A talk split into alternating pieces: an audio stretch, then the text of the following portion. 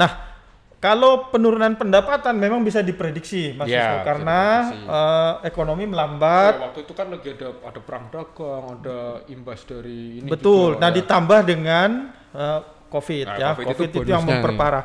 Tetapi yang kita mau soroti kali ini adalah kenaikan belanja negara.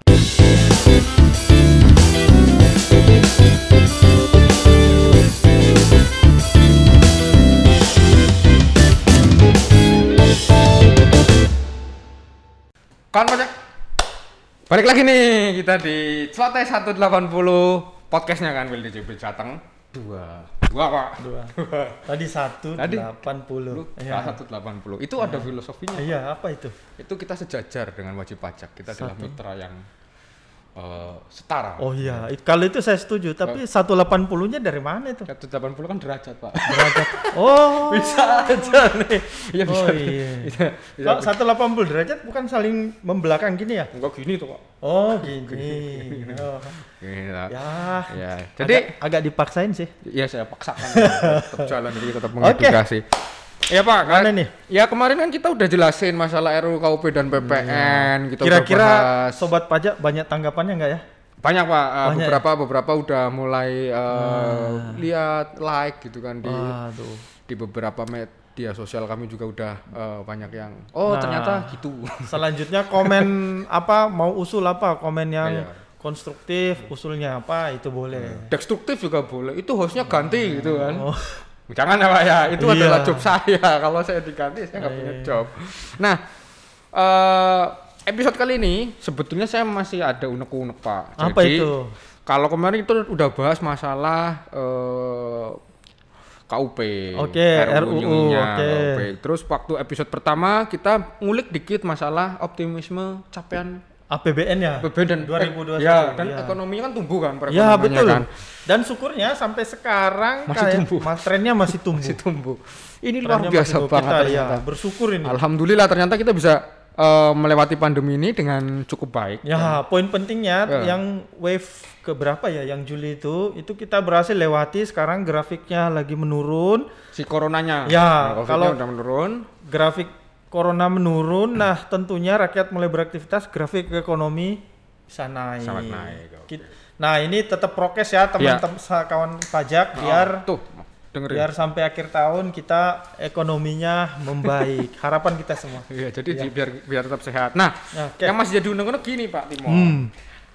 Waktu tahun 2020 ternyata pada APBN, pada eh, APBN Indonesia di tahun 2020 Heeh. itu ada perubahan. Jadi Ya. ada pergeseran anggaran yang digunakan untuk pemulihan ekonomi nasional. Ah, Nah, saya itu ya. bingung, masih ya mungkin sebagian kawan pajak juga masih agak bertanya-tanya.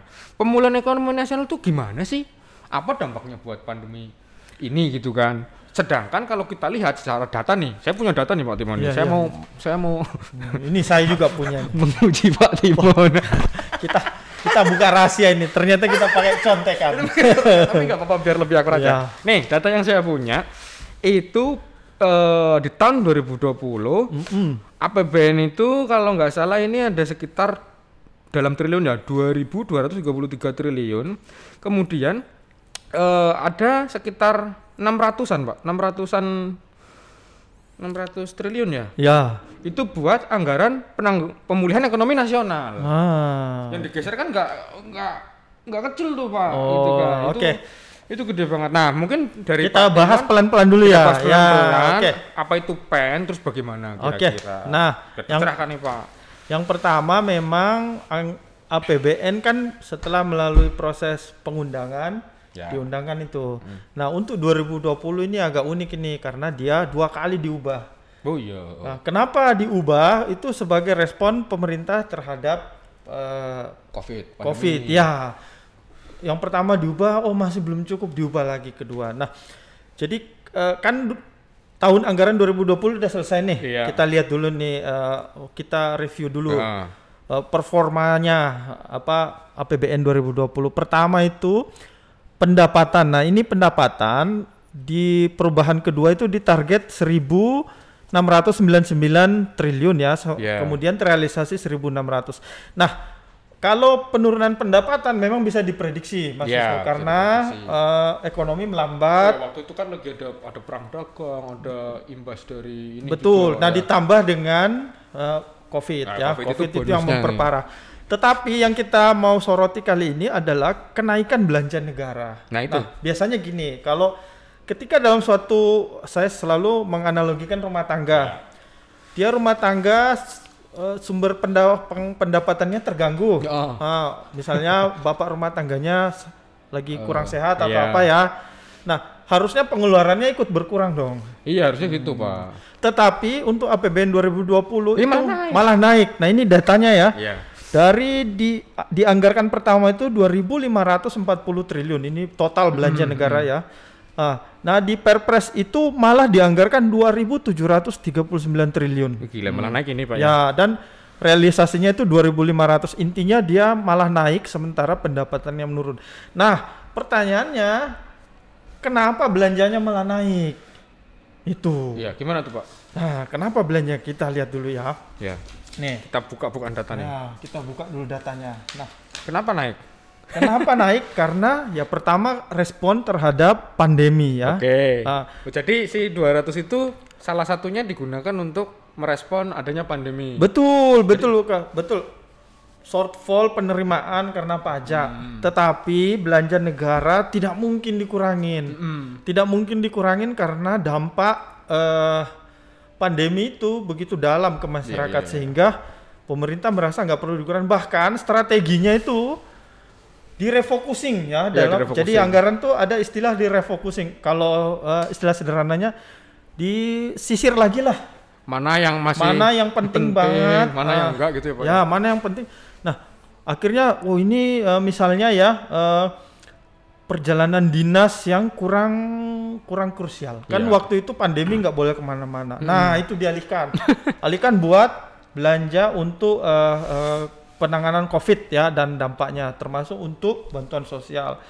Kemudian jadinya eh, refocusing itu juga membuat kita belajar nih, belajar untuk lebih efisien dalam Iya, iya. pengelolaan anggaran. Jadi dilihat lagi mana yang eh, harus dikurangin, mana yang urgent banget dikurangin.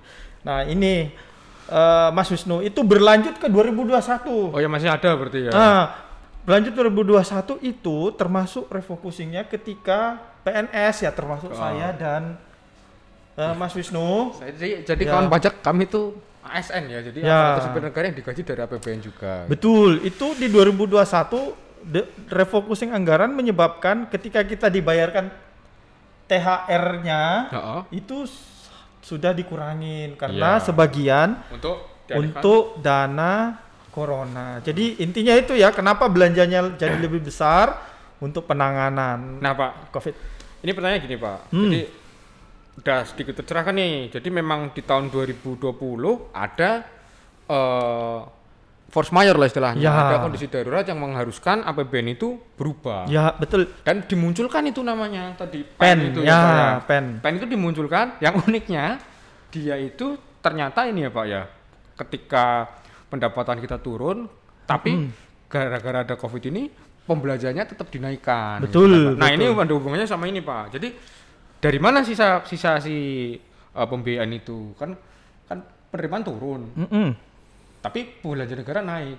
Otomatis itu dari mana Pak sisanya Pak diambilin Pak? Nah itulah itulah makanya diadakan perubahan yang kedua defisitnya dilebarkan. Dilebarkan. Ah. Oh, gitu. Apa artinya defisit dilebarkan?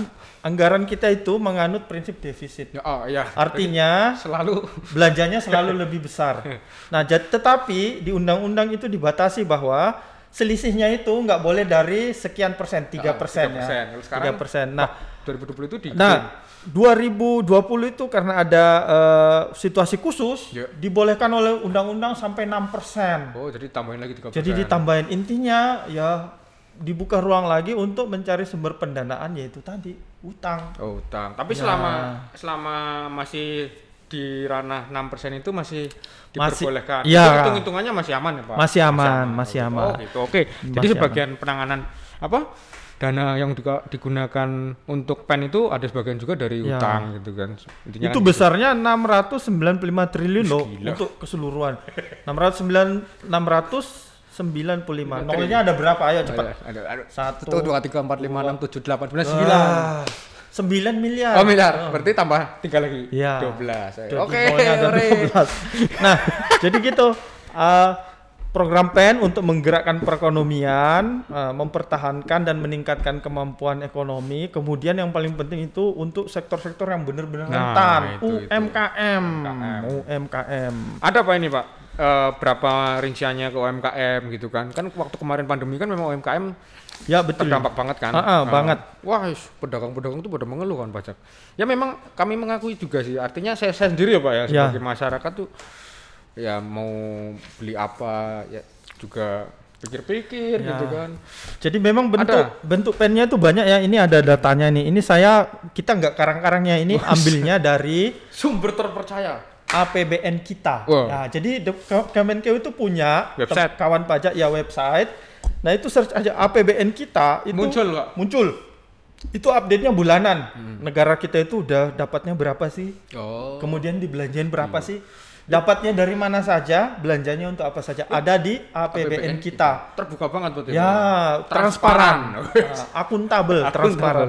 Oke, jadi teman-teman eh, sobat pajak bisa lihat di situ di APBN kita. Nah, untuk 2020 tadi kan totalnya dari 695 triliun Ya, ya. ah. Untuk UMKM itu 112,44 triliun.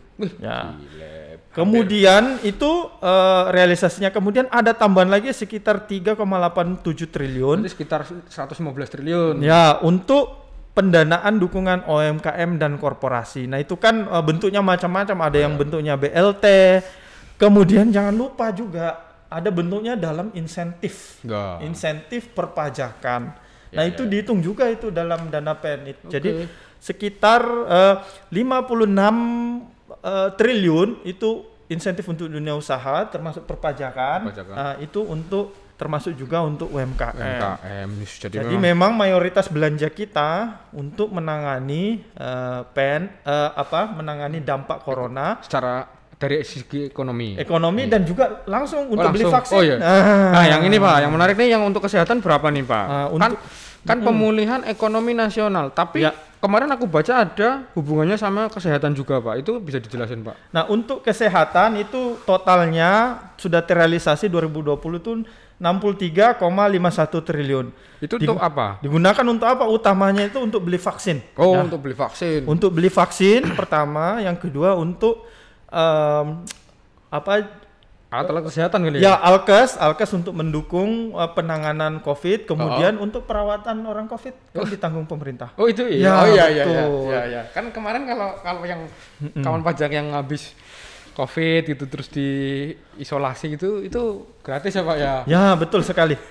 betul. D- tapi eh, jangan sampai kena lah walaupun jangan kena. gratis. Semoga- Makanya prokes, prokes, Prokes, prokes, prokes. Kami aja prokes nih meskipun Iya. menyapa lewat YouTube Ya, nanti yang nonton juga pakai oh, pakai masker. Iya. Enggak enak.